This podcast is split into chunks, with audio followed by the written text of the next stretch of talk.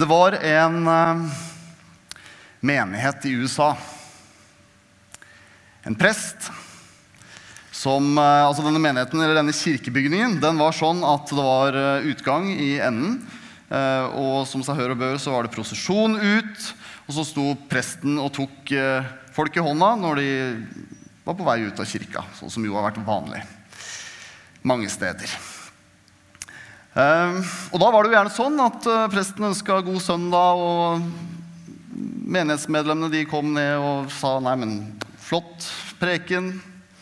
Ha, en god søndag, typisk. Vi skal begynne med det her, og bare sånn at du vet det, så dere alle sammen får mulighet til å ta meg i hånda og si flott preken før, før dere går. Eh, nei, men i hvert fall. Så var det en mann som han ikke hadde sett før, som kom midt i denne køen da, eh, på vei ut, og som ikke sa god preken, men han sa svaret er ja. Hva er spørsmålet? Presten ble jo litt sånn Jo, nei, god, god søndag. Og så fikk han liksom denne mannen videre, da, ja, så han kom seg ut, han òg. Så gjentok dette her seg søndagen etter. da. Svaret er ja. Hva er spørsmålet? Nei, jeg veit ikke helt, jeg, sa presten. Det får vi finne ut av. Ja, Så gikk nå denne mannen videre, da.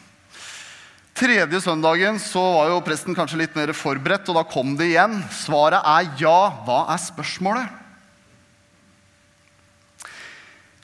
Så da var presten forberedt, da, så da svarte han at jo, men vet du hva, kan ikke, vi, kan ikke vi møtes eh, på kafé en dag denne uka her og snakke om dette spørsmålet og dette ja-svaret? Jo, det var greit. Så da gjorde de det. Så møttes de på kafé. og Så viser det seg at denne mannen her, han hadde levd et liv hvor det var mye vondt i livet hans.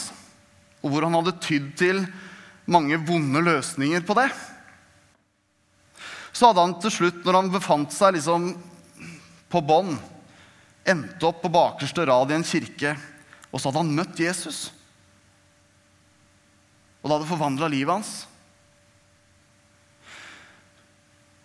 Så for han så var det helt naturlig å si at svaret er ja. Hva er spørsmålet?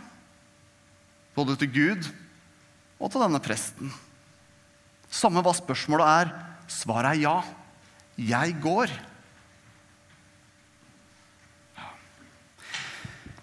Vi skal snakke om sendekultur i dag. Foregående helg så snakka Erika Vestre hun om helliggjørelse. Eh, Neste helg skal Grete Yksnøy Martinsen eh, snakke om hvordan også eh, vonde ting noen ganger kan være noe som fører til at vi vokser. Men i dag skal vi snakke om hvordan vi kan vokse inn i en forståelse av å være sendt. Gud er en sendende Gud. Som far har sendt meg, sender jeg dere, sier Jesus. Hva mener vi med sendekultur? Misjonsbefalingen kjenner dere godt. Da trådte Jesus fram og talte til dem. Jeg har fått all makt i himmelen og på jorden. Gå derfor ut og gjør alle folkeslag til disipler. Døp dem til Faderens og Sønnens og Den hellige ånds navn, og lær dem å holde alt jeg har befalt dere. Og se, jeg er med dere alle dager inntil verdens ende. Og Lukas 5. Dere er jordens salt. Men hvis saltet mister sin kraft, hvordan skal det da bli gjort til salt igjen? Det duger ikke lenger til noe, men kastes ut og tråkkes ned av menneskene. Dere er verdens lys. En by som ligger på et fjell, kan ikke skjules. Heller ikke tenner man en oljelampe og setter den under et kar. Nei, man setter den på en holder, så den lyser for alle i huset. Slik skal deres lys skinne for menneskene, så de kan se de gode gjerningene dere gjør, og prise deres far i himmelen. Gud er en sendende Gud. Så kan det være greit før vi liksom ordentlig trer inn i det, å vite det at jo, noen få ganger så sender Gud mennesker alene. Men de fleste gangene så sender han Altså Jesus sender ofte to og to, eller sender to og to de gangene vi leser om det. Og så kaller han sin kirke, kirken med stor K, den verdensvide kirka, til å være sendt. Og oss som misjonssalen til å være sendt. Sendt sammen. Vi skal øh, konsentrere oss om tre ting i dag. Vi skal snakke litt først om to ting som Jesus undrer seg over. Og så skal vi snakke om tre responser i Bibelen på det å bli sendt. Og så skal vi snakke om hva som setter oss i stand til å være sendt. Jesu undring. Vet du, det er to ganger i evangeliene at Jesus undrer seg. Den første den er i, se, i Markus 6, hvor Jesus kommer til sine hjemtrakter. Hvor han ellers har blitt møtt med mange mennesker som, som tar han imot som en, ja, som en helt, som en konge. Når han kommer hjem til hjemtraktene sine, så finner han, ut, finner han ut at han ikke kunne gjøre noen mektig gjerning der han bare la hendene på noen få syke og helbredet dem.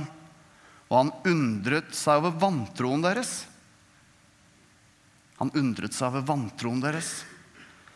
Den første gangen Jesus undrer seg, som det står om i evangeliene i hvert fall, så undrer han seg over vantroen deres.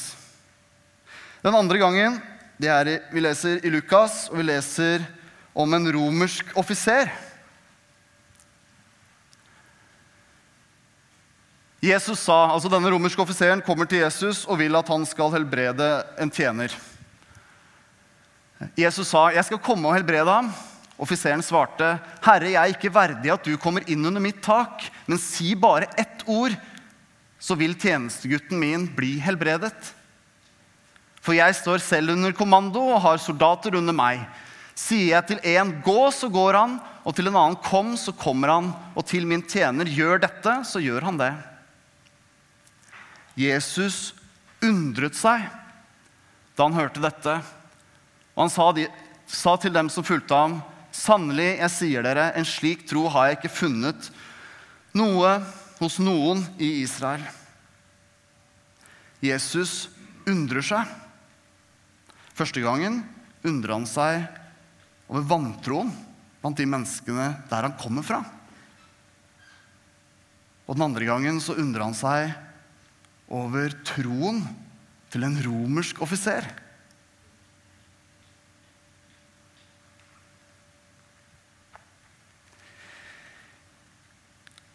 Så er dette et spørsmål for så vidt til deg, men det er i aller høyeste grad et spørsmål til meg og til oss som fellesskap.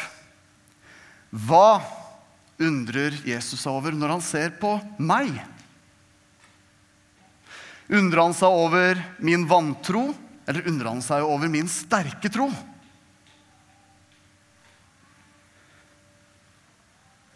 Når han ser på hva jeg går løs på i hans tjeneste, undrer han seg da over min sterke tro.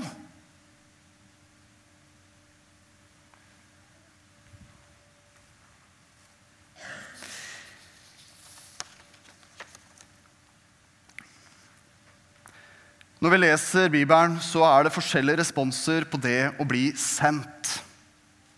Det er ikke sånn at alle de for så vidt forbildene som vi kan finne i Bibelen, nødvendigvis var så overbevist om at de skulle send, bli sendt med en gang. Det første eksempelet, den første type reaksjon, kan være Jonah. Her er jeg, jeg kommer ikke til å gå.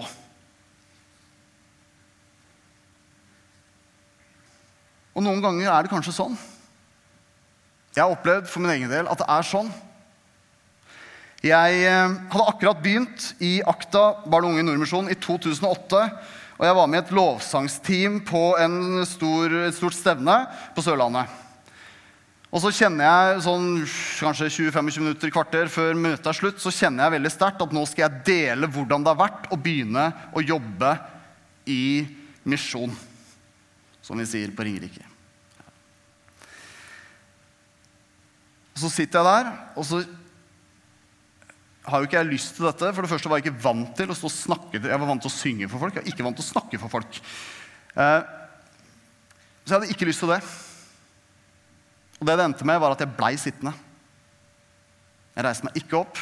Menneskefrykten fikk lov til å bestemme. Og så var ikke dette bare sånn at jeg liksom kjente litt at jeg kanskje skulle si noe. Det var sånn at dette her var så vondt for meg etterpå at jeg gråt. altså. Det var ordentlig vondt. Jeg var prega lenge. Her er jeg. Jeg vil ikke gå. Jeg tør ikke gå. Og så har vi Moses sin respons, som er litt mer sånn Her er jeg, send noen andre. Det er jo klart at det er jo noen som kan mer enn meg. Det er jo noen som er smartere enn meg, det er noen som har lest mer i Bibelen enn meg, det er noen som synger bedre enn meg, det er noen som er bedre søndagsskolelærer enn meg, det er noen som er bedre til å møte mennesker enn meg. Det er noen som er bedre til å gå over landegrenser, til å gå inn i nye kulturer enn det jeg er. Så her er jeg. Send noen andre. Kanskje er det sånn noen ganger.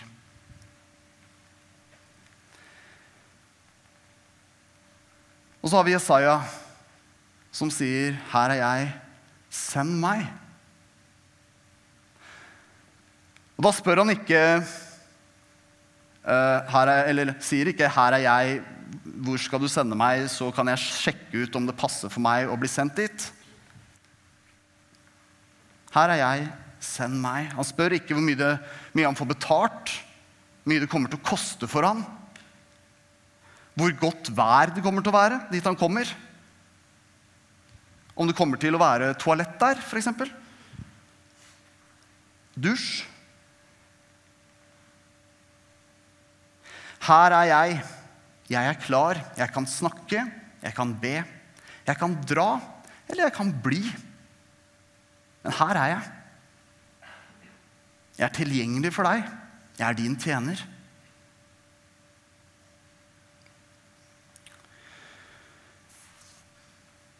Hvordan kom Jesaja dit?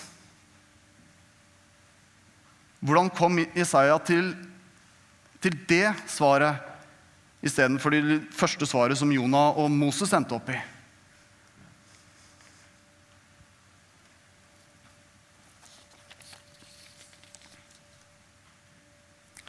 Vi leser fra Jesaja 6.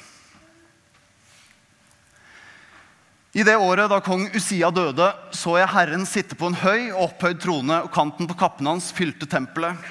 Serafer sto overfor ham. Hver av dem hadde seks vinger. Med to dekket i ansiktet, med to dekket i føttene, og med to fløy de. De ropte til hverandre. Hellig, hellig, hellig er Herren Sebaot. Hele jorden er full av Hans herlighet. Røsten som ropte, fikk boltene i dørtersklene til å riste, og huset ble fylt av røyk.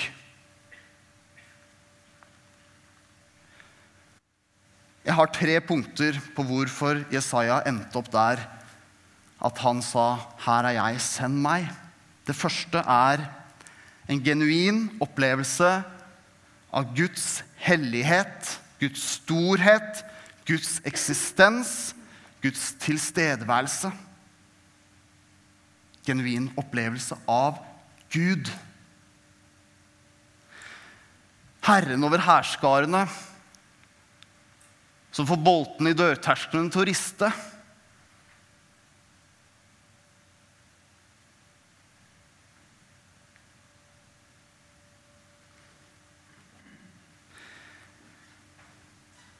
Har jeg møtt Gud sånn i det siste?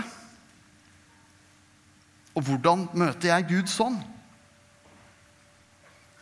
Kanskje har du møtt Gud sånn noen ganger på gudstjeneste, eller når du har lest i Bibelen, når du har bedt. Veldig lett, eller veldig fort når vi snakker om sånne ting, så snakker vi om en litt sånn åndelig opplevelse eller følelse. som vi har fått i en eller annen sammenheng. En liksom sterkt sånn åndelig opplevelse. Og det kan det være.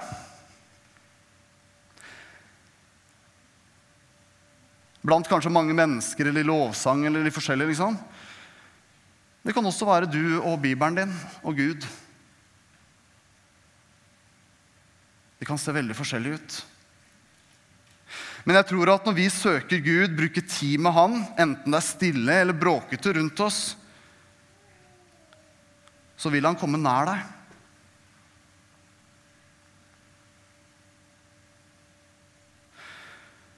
Og når du opplever hans tilstedeværelse, får et møte med Gud, så blir livet ditt forvandla. Vi leser litt videre. Da sa jeg, altså da sa Jesaja, ved meg, det er ute med meg. For jeg er en mann med urene lepper, og jeg bor i et folk med urene lepper, og mine øyne har sett kongen, Herren over hærskarene.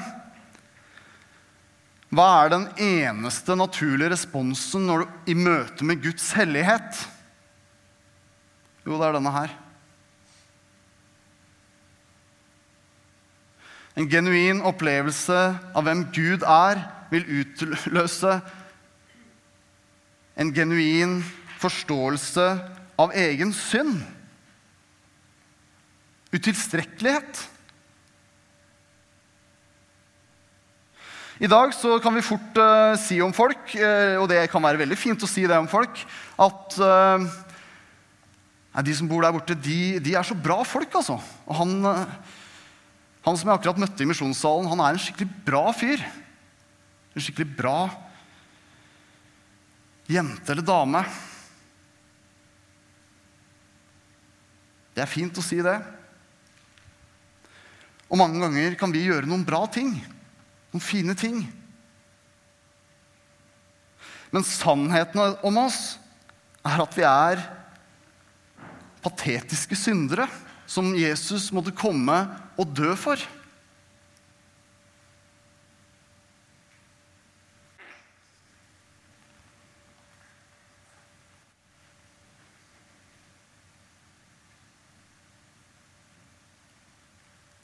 Yes, Og nummer tre Da fløy en av serafene bort til meg. I hånden hadde han en glo som han hadde tatt med en tang fra alteret. Med den rørte han ved munnen min og sa, Se, denne har rørt ved leppene dine. Din skyld er tatt bort, og din synd er sonet. Guds ufortjente nåde.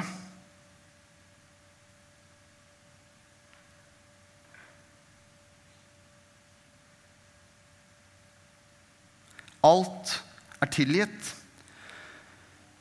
Sannheten er at foran denne hellige Gud, det tryggeste stedet å falle på kne, av alle steder å falle på kne, det er foran den hellige Gud. For han vil alltid reise deg opp igjen. Han vil alltid reise deg opp igjen. En genuin forståelse av Guds nåde over deg og det må være denne rekkefølgen, på en måte.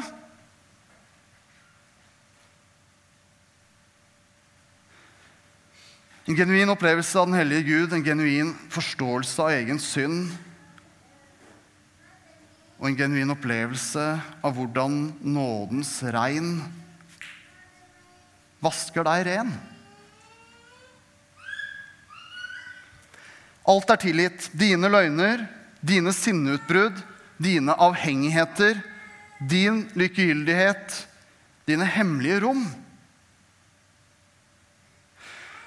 Så hadde vi synsbekjennelse i stad, og etterpå så sier vi at så høyt, som, altså, så høyt som himmelen er over jorden, så stor er Herrens miskunn, nåde, over dem som frykter ham. Så langt som øst er fra vest, tar han alle syndene bort fra oss. Vi kommer ikke med noe. Jesus kommer med alt.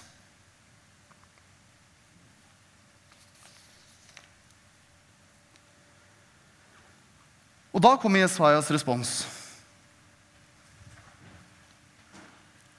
Da jeg hørte Herrens røst, da hørte jeg Herrens røst. Han sa, 'Hvem skal jeg sende? Hvem vil gå for oss?' Jeg sa, 'Jeg. Send meg.'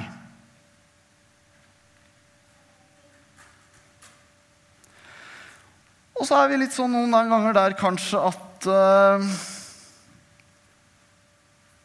Må jeg gjøre dette? Må jeg gjøre så mye? Sannheten er at du får lov til dette. Jeg får lov til dette. Og han har gitt meg det jeg trenger for å oppmuntre mennesker. Han har gitt meg det jeg trenger for å hjelpe mennesker. Og det er en daglig avgjørelse.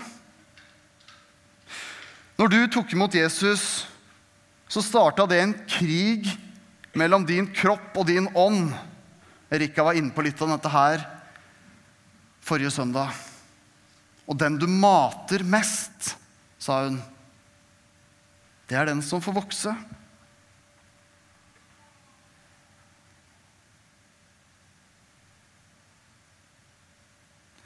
Du er frelst, jeg er frelst, uansett så lenge jeg har tatt imot Jesus.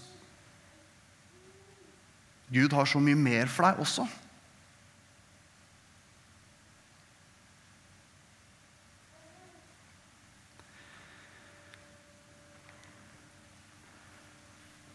Kanskje er det farlig. Kanskje er det farlig å gå all in. Selge alt. Bli sendt til Afrika er jo på en måte Hvis du svarer 'her er jeg, send meg',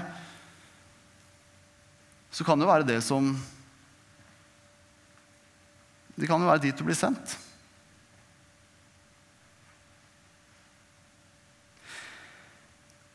Men det kan også være at du blir sendt til de som er nær deg nå. Det skjer kanskje like ofte eller oftere. Det er ikke alltid at du blir sendt på kanskje de største oppdragene først. Kanskje er noe av det første å lytte til noen som har det vondt. Eller kjøpe lunsj til noen som trenger en oppmuntring. Noen ganger, faktisk ganske overraskende mange ganger, er det de små tingene som blir de store tingene. Så kan det være at Gud kaller deg til å være misjonær. Så kan det være at han kaller deg til lekerommet for toåringene. Eller han kaller deg til å være Eller at hjemmet ditt skal bli et fosterhjem. Eller at du skal gi, gi mye av det du har.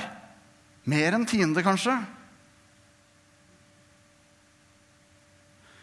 Han kaller deg til å være hans hender og føtter i verden.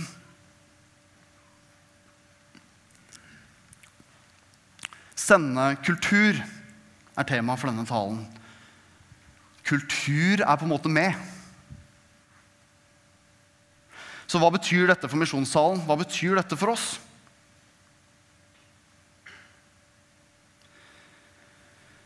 For det første Når vi ber, så ber vi Jeg vet ikke hvordan du ber. Det kan godt hende at du ber mye mer fromt enn det jeg gjør. Ehm, men det er lett for å be for menneskene nær meg. For menigheten her. Ja, kanskje for Oslo, men kanskje mest for menneskene nær meg. De som jeg er glad i. Det er kjempefint. Veldig bra. Men kan jeg også be Gud, hva kan jeg gjøre for deg? Gud, hva kan jeg gjøre for deg? La din vilje skje.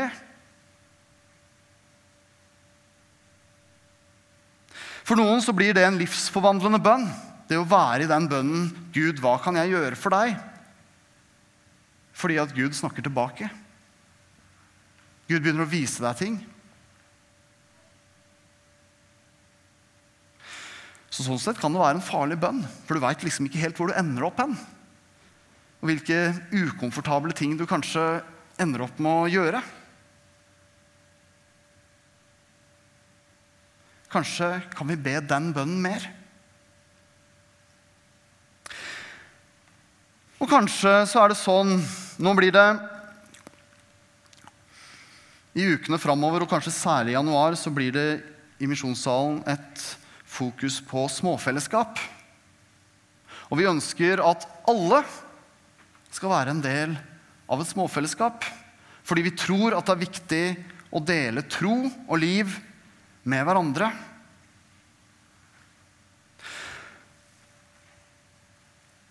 Be sammen, spise sammen, dele hva som har skjedd, lese noen ord sammen. Men kanskje skal vi også utfordre hverandre på hvordan det ser ut å være sendt. I et småfellesskap. Hvilke ting kan vi gjøre som gir uttrykk for at vi er sendt?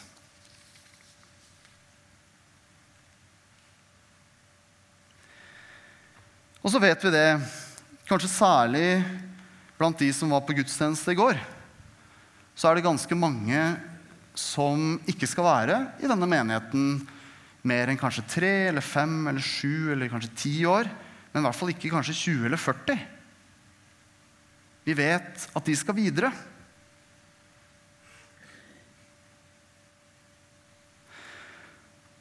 Hvordan kan vi, mens de er her, gi, den, gi dem en identitet i at de er sendt? Ikke bare sendt sånn i at vi er sendt til hverandre her i menigheten, og så, og så går vi ut fra denne menigheten, som, som denne evangeliseringen på Nationaltheatret f.eks. kunne være et konkret eksempel på. Men at man også er sendt når man forlater denne menigheten. Ikke forsvinner ut bakdøra. At det kanskje ikke var mer enn to eller tre i hele menigheten som visste at nei, til sommeren skal jeg flytte men at vi som menighet kan sende dem, uansett om de skal til Indonesia, eller om de skal til Toten eller til Ørsta. Og uansett om de skulle, skal plante et fellesskap, eller om de skal bli med et fellesskap og så gå inn i nærmiljøet sitt og tenke at 'jeg er sendt hit'.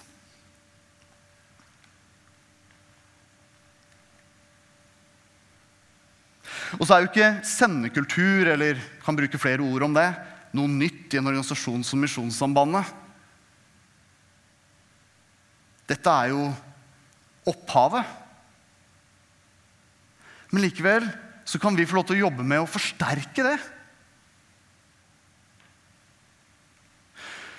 Og så er det noen som, liksom, ting som man kan lure på, er hva, hva skal det gjøre med gudstjenestene våre?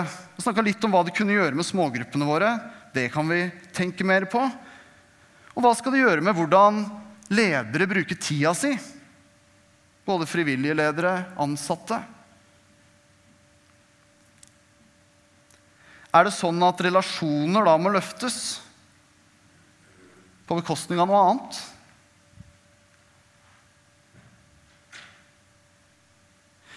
Jeg har en veldig sånn sterk sterkt, det er et veldig sterkt bilde for meg, det her med bakdøra som jeg akkurat nevnte. At mennesker skal bli sett og sendt når de er på vei ut av menigheten og skal flytte videre. Og Her er det kanskje mange mennesker som har gått her lenge, og som skal gå her lenge. Men at vi kan få være med og gjøre det, det tror jeg rett og slett kan forvandle Norge, og det kan forvandle verden.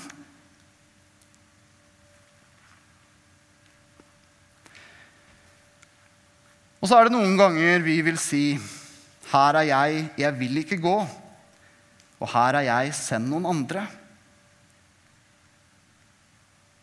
Men kanskje kan vi få stå sammen i og jobbe sammen i og kunne svare Her er jeg, send meg. Det var en menighet som Altså var det noen mennesker som skulle plante en menighet i en by i Norge. Eh, og han som leda den plantinga, han tok seg en runde til noen av de andre menighetene som var i denne byen. Eh, Rett og slett for å si hei og fortelle at vi skal plante. Og reaksjonene de kan jo variere litt når du gjør det. eh, Har jeg forstått. Jeg har ikke gjort det sjøl, men de kan variere litt. Det kan være en litt kjip opplevelse, og så var det noen han besøkte som, som tok ham opp på en god og høflig måte. Søndagen etter så kom det to eller tre par som han ikke kjente, på den samlinga eller den lille gudstjenesten som de hadde starta opp. Han fikk ikke snakka med dem, men de kom også søndagen etterpå. Og de kom søndagen etter der igjen og begynte å liksom ta litt ansvar, gjøre litt ting.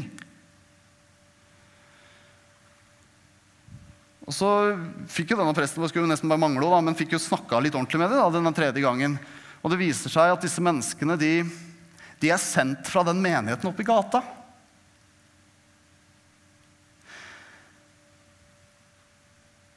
Fordi at han som er prest der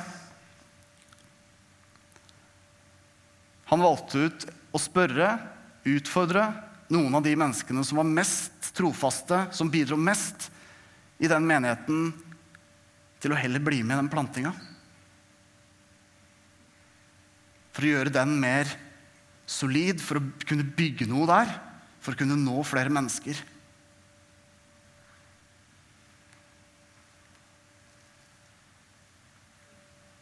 Jeg tror at det er litt sånn det ser ut med en sendekultur. At vi er opptatt av å bygge Guds rike. At det kommer først.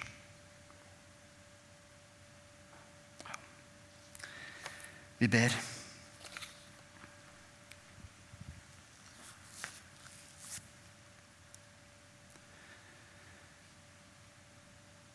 Kjære far, takk for at du er hellig. Takk for at det ikke finnes noe annet sted det er så trygt å falle på kne som foran dine føtter. Takk for at du reiser oss opp igjen. Takk for at du vil ha oss med på ditt oppdrag. Takk for alt som du har for oss. Kjære far, vi ber om at vi At du må fylle oss med Den hellige ånd, sånn at vi venner oss til deg og er med på det som du leder oss inn i. Vi ber for oss som menighet at vi skal bygge, forsterke en kultur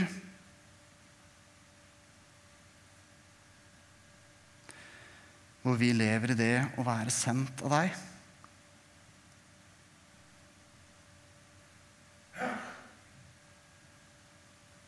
Det ber vi om i Jesu navn. Amen.